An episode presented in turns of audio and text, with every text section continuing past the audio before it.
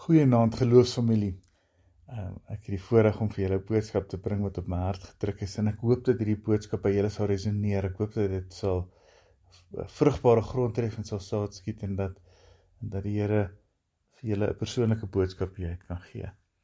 Stefan se preek van uh Sondag het my my nogal laat dink aan die liefde en snaaks genoeg ek het op Romeine 11 vers 33 afgekom en en ons gaan oor hierna na na hoofstuk 12 toe en Ehm um, en en daar's stukkies wat ek met julle hier wil deel wat nogal regtig by my uitgestaan het.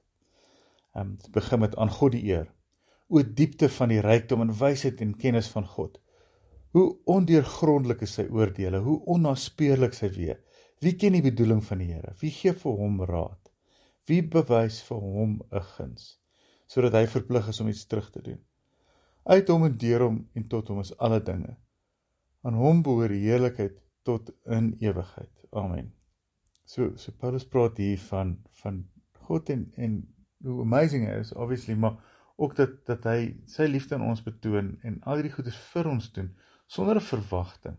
Want daar's nie iets wat ons kan doen om dit te verdien nie, né?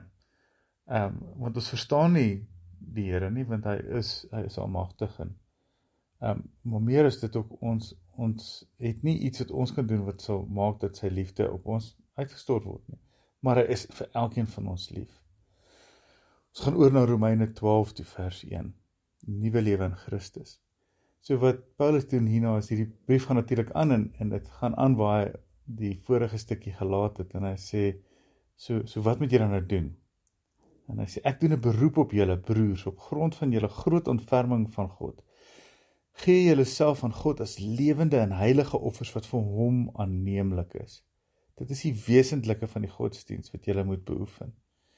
Jy moenie aan die sondige wêreld gelyk word nie, maar laat God julle verander deur julle denke te vernuwe.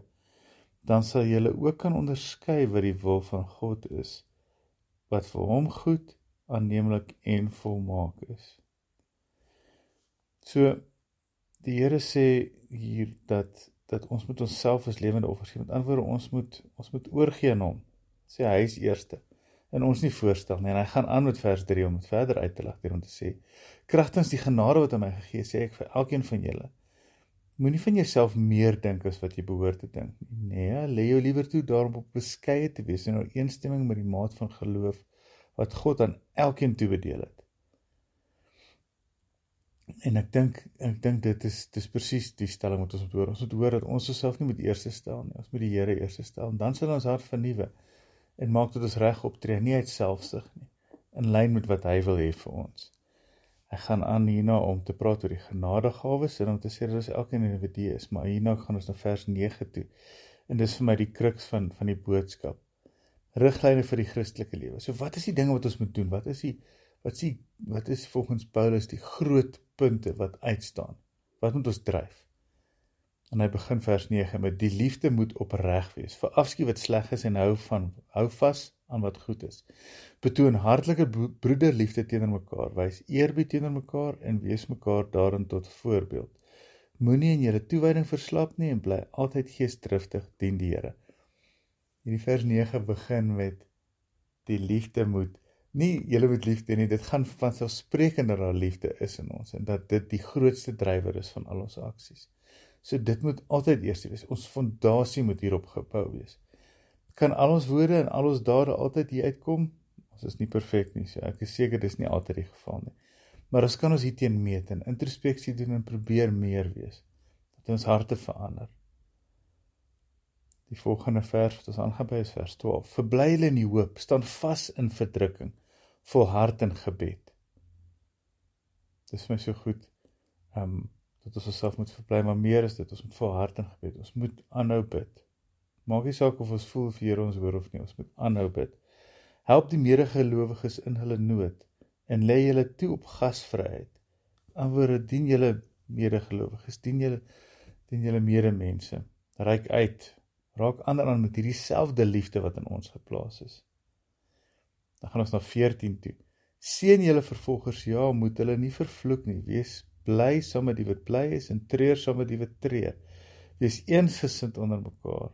Moenie hooghartig wees nie, maar skaar julle by die nederiges. Moenie eie wys wees nie. Moenie kwaad met kwaad vergeld nie.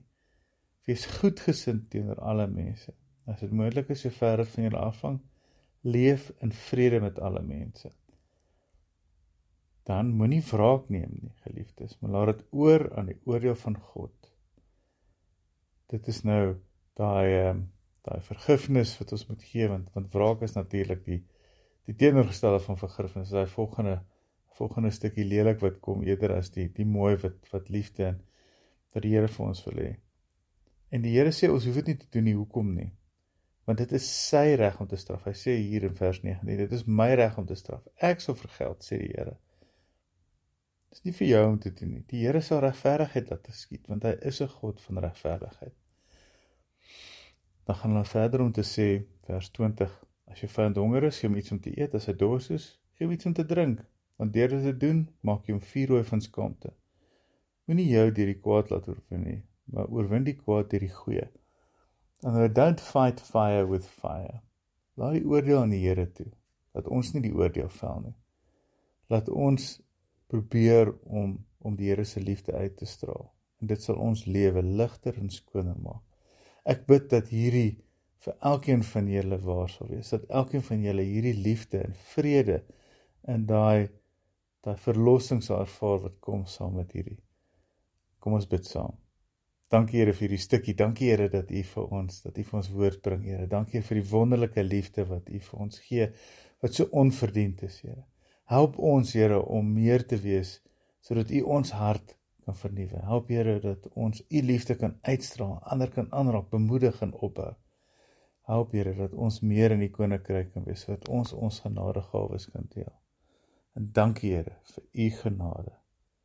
Amen. Geseënde week vir julle geliefdes.